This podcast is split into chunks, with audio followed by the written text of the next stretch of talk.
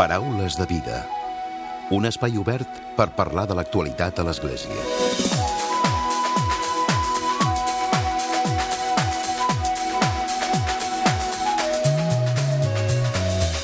Què tal? Salutacions i molt bon dia, molt bon diumenge i molt bon any. Els responsables del Centre d'Estudis Cristianisme i Justícia, vinculat als jesuïtes, alerten davant la manera, diuen, sobre com la nostra societat està afrontant els moments de desconcert que vivim alimentant el populisme polític de tics autoritaris i reforçant també polítiques de proteccionisme econòmic i es pregunten si, en lloc d'això, tenim capacitat de crear nous consensos globals orientats a cercar un bé comú universal.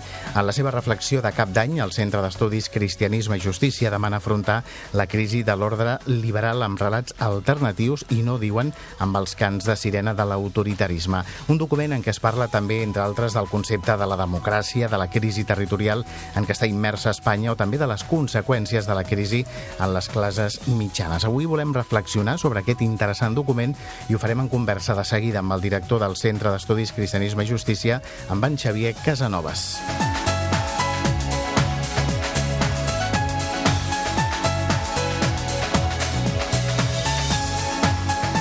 Com sempre, a la recta final del Paraules arribarà un nou comentari de l'actualitat de Francesc Romeu, que avui ens acompanya als estudis. És diumenge 7 de gener. Comencem.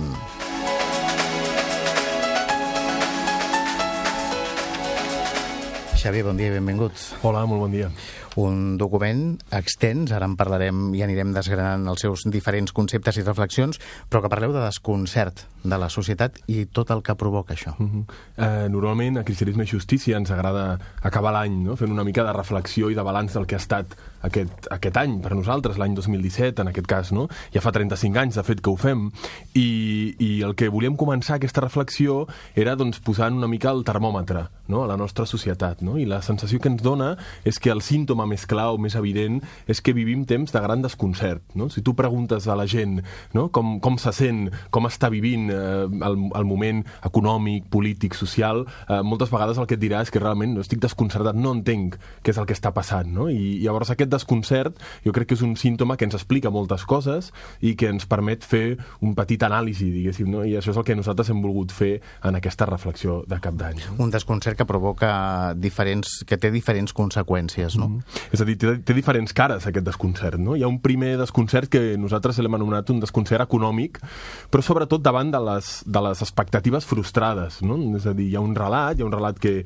que nosaltres hem, hem comprat fàcilment de, de creixement de les expectatives. El que nosaltres esperem és que, que a la vida a nosaltres ens vagi bé, econòmicament cada cop ens vagi millor i de fet que els nostres fills visquin millor que els pares, no? I això és algo que hem vist que s'està trencant ja fa 10 anys. Ara just celebrem 10 anys de la crisi financera aquesta global en la qual hi ha una obertura, hi ha un trencament, un augment de les desigualtats molt fort a nivell global i el que molts ja han dit, molts, molts intel·lectuals han parlat d'aquest trencament del pacte social, no? un pacte que entre èlits i ciutadania es donava, no? en el qual tots creiem que aquest ascensor social era possible, però això estem veient que això és una promesa que, que, que no es compleix, que no s'està complint, no? i això és el que provoca probablement aquest gran desconcert. Això se li ha de sumar, a més a més, un element que també ens deixa a tots, no? ens té tots amb molta expectativa, que és aquesta anomenada quarta revolució industrial. No, no sabem cap on ens portarà aquest canvi econòmic tan fort que, que està significant la digitalització de tota l'economia. No? I, I això continua sent, doncs, per tant, estem a les portes d'un gran canvi, d'una gran revolució que ja s'està donant i hem de veure cap on ens porta. Però forma part realment o és una cara d'aquest desconcert. Però una revolució que està deixant a, a bona part de la societat eh, diguéssim, cap a un costat, no? És dir, que s'estan creant cada vegada més diferències, Aquest és el, més és el perill, no? El perill és el que podríem anomenar la dualització social o la precarització, no? Ara parlem de recuperació de llocs de treball, però alhora, paral·lelament a això, parlem de treballadors pobres, un fenomen que no havíem tingut mai, no? Un 12% de la població que tot i està treballant no té els mínims per poder viure, per poder pagar el lloguer, per poder pagar la, la, els subministraments bàsics, no? Això, eh, el que ens està parlant és d'una gran dualització social, una sèrie de gent que sí que pot continuar anar fent, però hi ha tota una sèrie de gent que queda completament al marge, diguéssim, d'aquest progrés. Parleu dels populismes.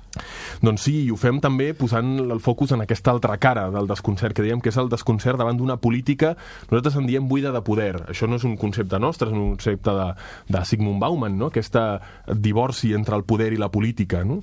És a dir, acceptem resignadament la democràcia com el millor dels sistemes possibles, però alhora estem veient com aquesta democràcia, diguéssim, a la que no volem renunciar, es va buidant de contingut. Eh? Però existeix actual, actualment la democràcia? Quan la gent li preguntes per la democràcia, concepte abstracte que no saben ben bé com dieu, és un, una manera de governar, però existeix realment? Home, jo crec que és d'alguna manera l'horitzó o, el, o el pacte polític amb el qual hem decidit que, que volíem governar-nos tots, no? i que jo crec que la democràcia és el, el, el sistema, almenys, el, el, el millor dels, dels possibles no? que, que podríem tenir. No? El que estem veient, però, és com aquesta democràcia s'està buidant de contingut. No? Ja I això està generant realment una clara hostilitat, diguéssim, de, de la població davant de la gestió política. És a dir, percebem que aquelles persones que ens han de governar i que, per tant, teòricament tenen el poder, perquè nosaltres les hem votat, en veritat estan mancades d'aquest poder i viuen o participen o treballen, diguéssim, al costat d'unes èlits, ja amb connivència amb unes èlits que són aquestes, diguéssim, d'una manera opaca, les que veiem que d'alguna manera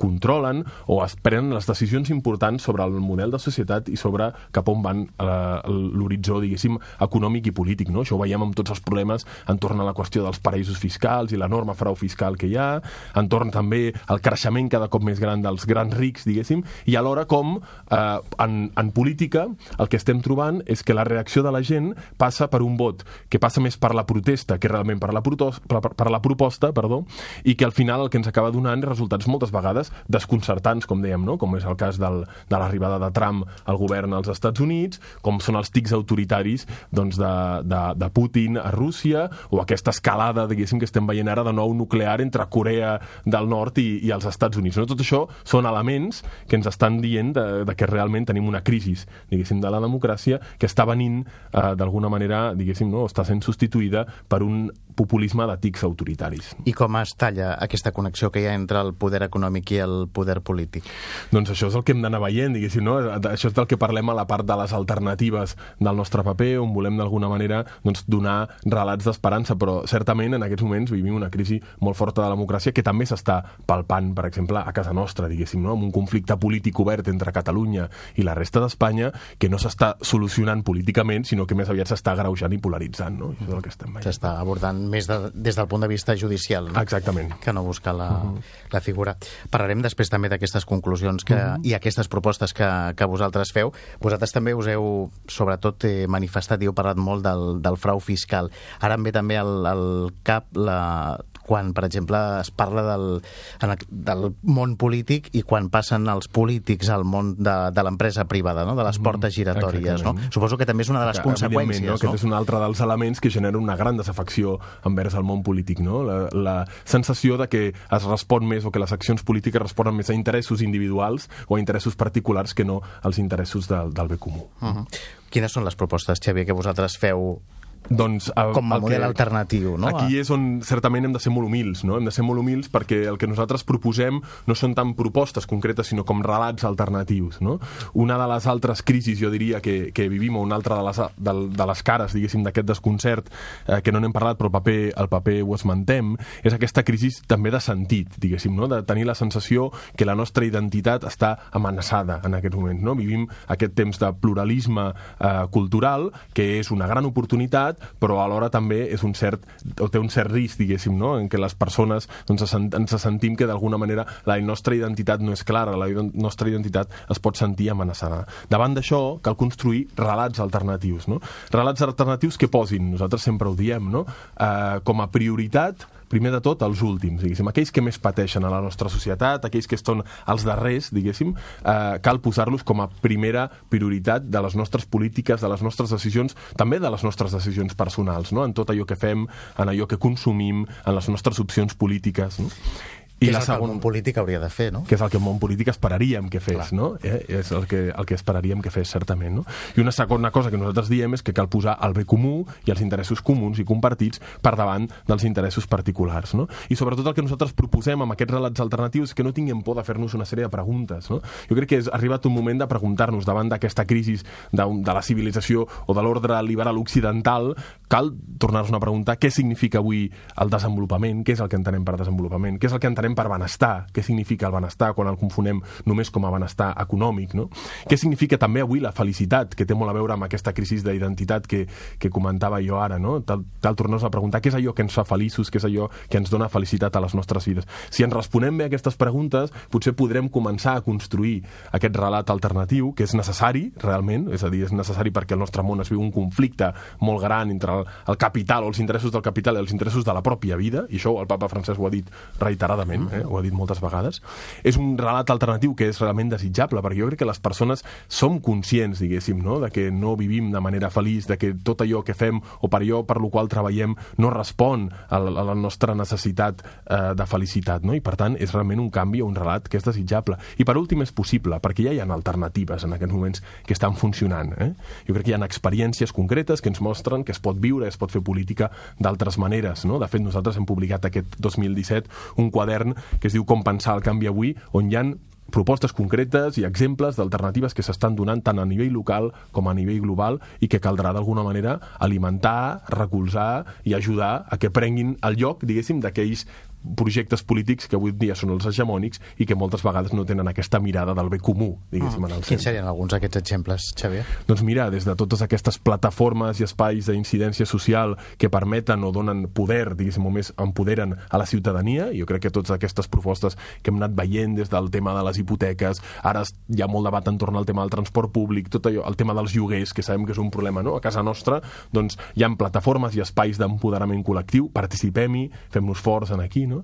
Hi han també propostes, per exemple, respecte a la qüestió de la identitat, no? com és un retorn, jo diria, a propostes i a cerques de sentit que, que molta gent està fent en els àmbits del silenci, de l'espiritualitat, d'allò que també la religió pot oferir avui i que molta, moltes vegades, diguéssim, no trobem perquè el nostre món purament consumista i materialista no ens ofereix. No? Ens cal, potser, més una, una reflexió també més interior? Evidentment, per això jo crec que és que sigui col·lectiva. Evidentment, evidentment. Jo crec que tothom té un anel de sentit en la vida vida, això ho pot trobar eh, i pot trobar resposta a aquest anel de moltes maneres diferents. El problema jo crec és que vivim en aquesta societat altament, quan diem secularitzada moltes vegades, i sobretot materialista i consumista, on no hi trobarem en aquests espais aquesta resposta als nostres anells de sentit. No? Uh -huh. Per tant, cal molta més introspecció, molt més silenci, molt més silenci i, i dotar-nos, diguéssim, de recursos espirituals per viure la vida. No? I Com deia, són propostes que, que són factibles, que es poden fer, que hi ha exemples eh, en què ho demostren que, que així pot ser, però què és el que ens falta llavors per aconseguir-ho? Jo crec que ens falta creure'ns-ho moltes vegades, ens falta... A nivell col·lectiu? Fem, a nivell col·lectiu i a nivell personal, i a nivell personal, no? Ens falta, i és el que d'alguna manera com tanquem nosaltres al paper, no? Que, que fem aquest recorregut, aquest recorregut de transitar d'un subjecte purament egocèntric i que mira els seus interessos particulars, no? que mira la llibertat, diguéssim, entesa com a contrària a la llibertat de l'altre, a un subjecte madur, col·lectiu, a un subjecte comunitari, eh, on la llibertat personal és la garantia de la llibertat de l'altre, no? I en la qual ens respectem, a la qual construïm junts, no? i això jo crec que ens falta creure'ns-ho i ens falta veure també aquests espais, diguéssim, verds que existeixen a la nostra vida, on tot això s'està donant ja, és possible i per tant cal, cal recolzar-ho. Uh -huh. Vosaltres heu parlat directament també de la... i reconeixent aquesta crisi territorial que hi ha no? a l'estat espanyol, que potser des d'alguns eh, sectors no, no es vol parlar com a crisi, no? sinó directament com a desafiament. Mm. Bueno, bueno certament això, és no? probablement a casa nostra, en el cas de Catalunya, un dels grans reptes eh, actuals, diguéssim. Això ha marcat, diguéssim, els últims anys en la vida política i el marcarà en els propers anys clarament.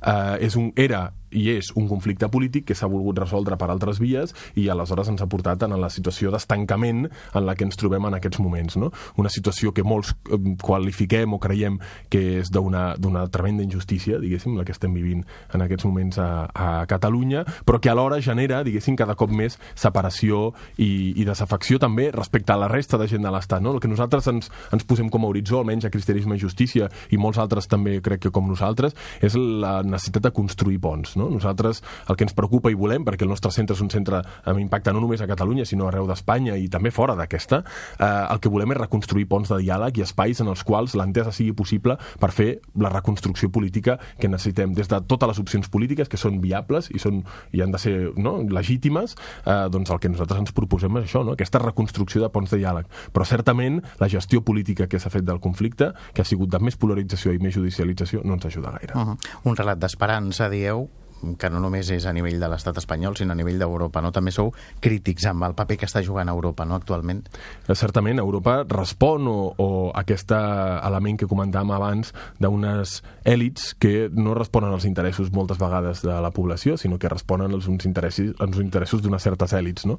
És aquesta Europa tecnocràtica, no?, que en diem moltes vegades, incapaç moltes vegades de fer autocrítica, ho hem vist amb el tema dels refugiats, per exemple, no s'han complert les quotes i en comptes de dir no hem sigut capaços, no ens n'hem sortit, el que fan és rebaixar les quotes d'acollida de refugiats per no, no, per no fer evident, diguéssim, no, la, el fracàs que significa a nivell polític. No? Doncs eh, contra aquesta Europa, diguéssim, és evident que hem d'estar. No? Hem d'estar a favor d'una Europa de la solidaritat, de l'Europa dels pobles, però en contra d'una Europa tecnocràtica que és incapaç de resoldre els problemes que, que veiem que té. No? Uh -huh. I que, pel que veiem, no? de moment no hi ha una solució, no?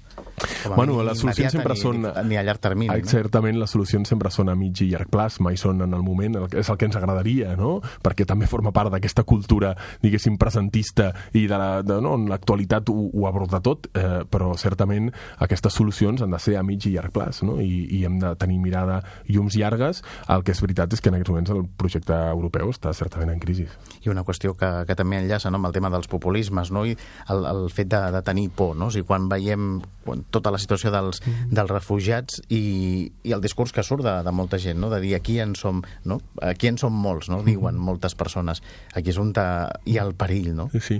Aquí és un, quan sentim una certa amenaça no? de pèrdua de privilegis, també una amenaça eh, de la nostra mateixa identitat europea, que ens hem pensat que era homogènia, però que mai ha estat així, certament, no? pues és aquí on apareix aquesta por, i aquesta por respon moltes vegades de manera política amb, amb el que estem veient, per exemple, el dia a dia a nivell europeu l'estan marcant el creixement dels partits polítics d'extrema dreta i l'augment de la xenofòbia, no? i això és una realitat eh, i moltes vegades respon més a la por que a una proposta política concreta, no? que una voluntat real de reformular eh, o reinventar aquesta Europa, diguéssim, que, que està en crisi. I que potser la ciutadania no, no és prou conscient, no? d'aquest increment del, moltes vegades hi ha, hi ha de tot, no? Certament hi ha, hi, ha, hi ha casos en els quals, diguéssim, hi ha països en els quals eh, la ciutadania està recolzant molt fortament aquests partits i ens hem de plantejar per què és així, no? I hi ha altres casos on certament és la por la que està guiant eh, i està liderant, diguéssim, aquest canvi polític. Uh -huh.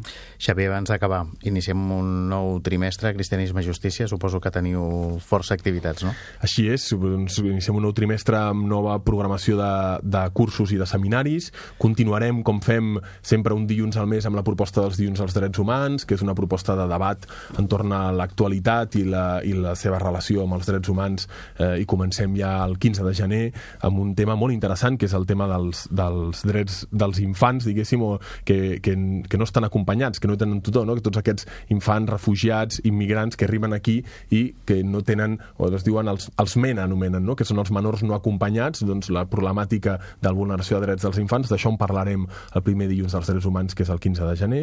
Comencem també amb un curs molt interessant, que ja tenim molta gent apuntada, per tant, si algú més s'hi vol inscriure, s'haurà de donar pressa, que es diu Morir en mans de Déu. Eh? És aquesta proposta que hem volgut fer reflexió entorn a com es viu la mort en les diferents religions, no? i què significa avui en dia morir, i què ens proposen les religions no? per aquest trànsit que, pel qual hi passem tots. Eh? Aquí sí que rics i pobres, doncs, eh, doncs tenim ja més de 80 persones apuntades a aquest curs, estem molt contents, eh, doncs eh, ho fem juntament amb la Fundació Migra Studium i, i esperem doncs, que, bueno, si algú més li interessa, que ho pugui fer. Que I, poden mirar la pàgina web, no? A la pàgina web ho trobaran tot i també val la pena per a les persones que no siguin de Barcelona i que s'hagin de desplaçar de més lluny, doncs l'aula virtual. Ja fa un any que hem començat una proposta de cursos online, on molts dels cursos que es fan presencialment es poden fer també de manera virtual a través d'una aula, on aquest any proposem des de temes de teologia feminista fins a temes més de, dels que hem parlat avui, de, de com es, el canvi social és possible i quins elements o alternatives tenim avui en dia per fer-lo viable, fins a propostes d'espiritualitat ignasiana també eh, online. Eh? Per tant, convidem a tothom també d'arreu del, del territori de, de Catalunya que puguin entrar, o de fora de Catalunya mateix, no? que puguin entrar també a la nostra aula virtual per veure els cursos que tenim. Aquest és un dels beneficis també de l'avançament la, de, de les tecnologies, de les noves tecnologies. Exactament. Doncs avui amb en Xavier Casanovas hem parlat d'aquesta reflexió de cap d'any que ens fan des del Centre d'Estudis Cristianisme i Justícia el perillós ressorgiment de l'autoritarisme relats alternatius davant la crisi de l'ordre liberal. Xavier, gràcies per haver-nos acompanyat. Moltes gràcies a vosaltres per convidar-nos. Bon dia. Fins la propera. Paraules de vida amb Emili Pacheco. I tot seguit arriba el comentari de l'actualitat de Francesc Romeu. Francesc, molt bon dia. Molt bon dia a tothom. Dilluns passat, i com cada 1 de gener per cap d'any, l'Església celebra la Jornada Mundial de la Pau. I com és habitual, el papa acostuma a fer un missatge sobre el tema de la pau. Aquest any el papa Francesc ens ha sorprès, perquè el seu missatge porta com a títol Migrants i refugiats, homes i dones que busquen la pau. Un missatge ben actual, encara que els mitjans de comunicació ja hagin deixat de ser primera notícia. Per sort, el papa no segueix la moda que ens imposen a vegades aquests mitjans i insisteix en el tema ruent dels migrants i dels refugiats. En el seu missatge, el papa desitja la pau a totes les persones i totes les nacions de la Terra. La pau que els àngels van anunciar als pastors en la nit de Nadal. És una aspiració profunda de totes les persones i de tots els pobles, especialment d'aquells que més pateixen per la seva absència i els que tinc presents en el meu record i en la meva pregària. D'entre ells voldria recordar els més de 250 milions de migrants en el món, dels quals 22 milions i mig són refugiats. Aquests últims, com va afirmar el meu estimat predecessor Benet 16 són homes i dones, nens, joves i gent gran que busquen un lloc on viure en pau perquè els migrants i refugiats fugen de realitats on no hi ha pau, sigui perquè hi ha guerra o fam, sigui perquè hi ha injustícia, persecució, pobresa o degradació ambiental. Per trobar aquest lloc i aquesta pau, segueix dient el papa Francesc, molts d'ells estan disposats a arriscar les seves vides a través d'un viatge que en la majoria dels casos és llarg i perillós. Estan disposats a suportar el cansament i el patiment, afrontar els filats i els murs que s'alcen per allunyar-los dels seu destí. Després de reconèixer que els migrants busquen una nova destinació de manera regular, també hi ha aquells que no, fa, que no ho fan de manera des, desesperada, davant de circumstàncies molt complexes.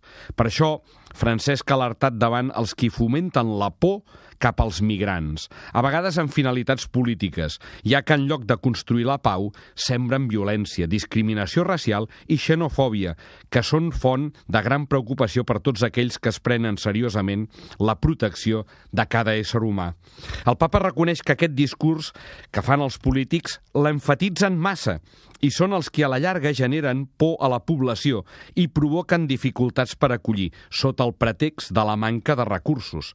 Per contrarrestar la nostra manca de recursos davant de la pobresa dels refugiats, el papa ens proposa que ens els mirem com una riquesa destacant que no arriben amb les mans buides, sinó que porten amb ells la riquesa de la seva valentia, de les seves capacitats, de les seves energies i les seves aspiracions, i, per descomptat, els tresors de la seva pròpia cultura, enriquint així la de les nacions que els acullen. Davant els migrants i refugiats, segueix dient, es fa necessari assumir quatre actituds. Acollir, protegir, promoure i integrar-los en la societat a la qual arriben.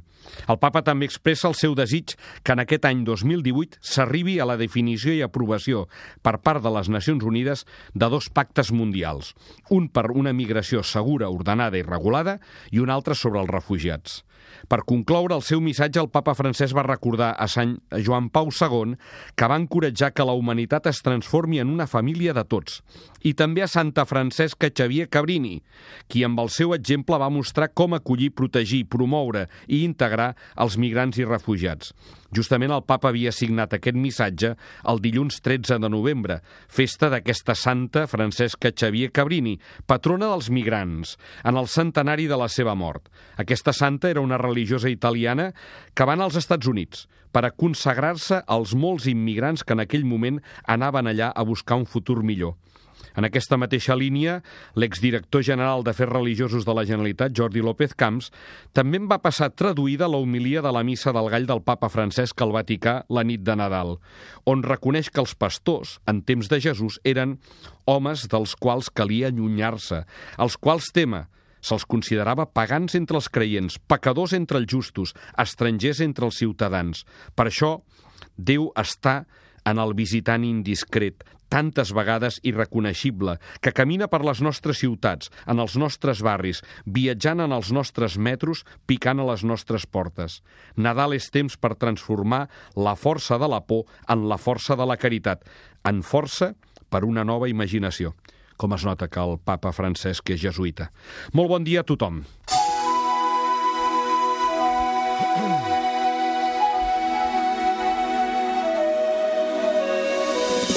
Fins aquí el Paraules de Vida d'aquest diumenge. En Fran López ha estat el control tècnic i qui us ha parlat l'Emili Pacheco. Que passeu bon diumenge i una molt bona setmana.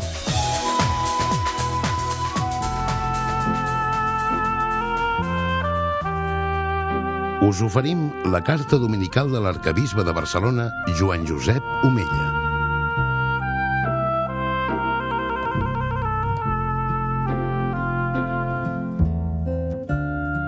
Déu us guard.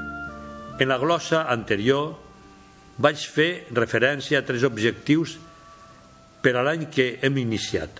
El nou pla pastoral diocesà, la celebració del vuitè centenari de la creació de l'Ordre de la Mercè a Barcelona i el treball per la pau i la concòrdia. En aquesta voldria oferir-vos unes reflexions sobre el darrer d'aquests objectius que és la concòrdia i la cohesió social a la nostra terra. És un objectiu que implica l'Església però que va més enllà perquè és un repte per a tota la societat catalana. És, com avui es diu, un repte i un objectiu transversal. Com a punt de referència històrica a casa nostra, em referiré al pensament que en molts dels seus articles va expressar Joan Carrera Planas, el que va ser bisbe auxiliar de Barcelona. Va ser un capellà i un bisbe molt arrelat a Catalunya i alhora molt obert als immigrants que hi van venir a treballar des de molts indrets d'Espanya en els anys 60 i 70. Els qui, utilitzant el títol d'una obra de l'escriptor Paco Candel, va ser anomenat els altres catalans. El bisbe Carrera, que abans de ser bisbe va ser rector en parròquies de barris perifèrics, sempre deia que els joves sacerdots enviats a les noves parròquies creades pel bisbe Gregorio Modrego, en zones de forta immigració, havien fet un gran servei a la nostra societat que va afavorir la integració a Catalunya dels altres catalans. I ho van fer amb tota mena d'iniciatives que no tenien aleshores el suport oficial. En un dels seus articles setmanals a Catalunya Cristiana, a la secció Ara mateix, escrivia el bisbe Joan Carrera l'any 1997. Però va venir un altre temps en el qual l'arribada a Catalunya d'una infinitat d'homes i dones d'arreu d'Espanya va portar l'ús de la llengua castellana a la pastoral i a la litúrgia de moltes esglésies. Van néixer parròquies noves als barris obrers que sorgien al voltant de Barcelona i de moltes ciutats i viles grans – un bon nombre de sacerdots s'hi abocaren amb cos i ànima. Al voltant d'aquelles parròquies, única presència activa durant molts anys de la societat catalana a les zones de més immigració, van sorgir escoles, cooperatives d'habitatges, agrupacions culturals i fins i tot sindicals i es va establir la primera xarxa d'assistents socials del barri gràcies a l'organització de Càritas. Fi de la cita. Ara, les circumstàncies socials són diferents. Diversos observadors atents a la nostra realitat actual estan preocupats per les possibles conseqüències negatives que els fets polítics recents puguin representar per a la cohesió social de la nostra societat. Per això, tots estem cridats a fer un esforç per teixir la concòrdia i la confiança mútua dins d'una societat en la qual es dona una gran pluralitat cultural, política i també religiosa. Treballar per la cohesió social és responsabilitat de tots. L'Església voldria assumir aquest repte en el treball concret i diari de les parròquies, escoles i institucions cristianes. Cal que compartim tots el repte de viure en comunió enmig de la diferència, com una gran família en la qual tots s'estimen i respecten malgrat les diferents opinions i procedències.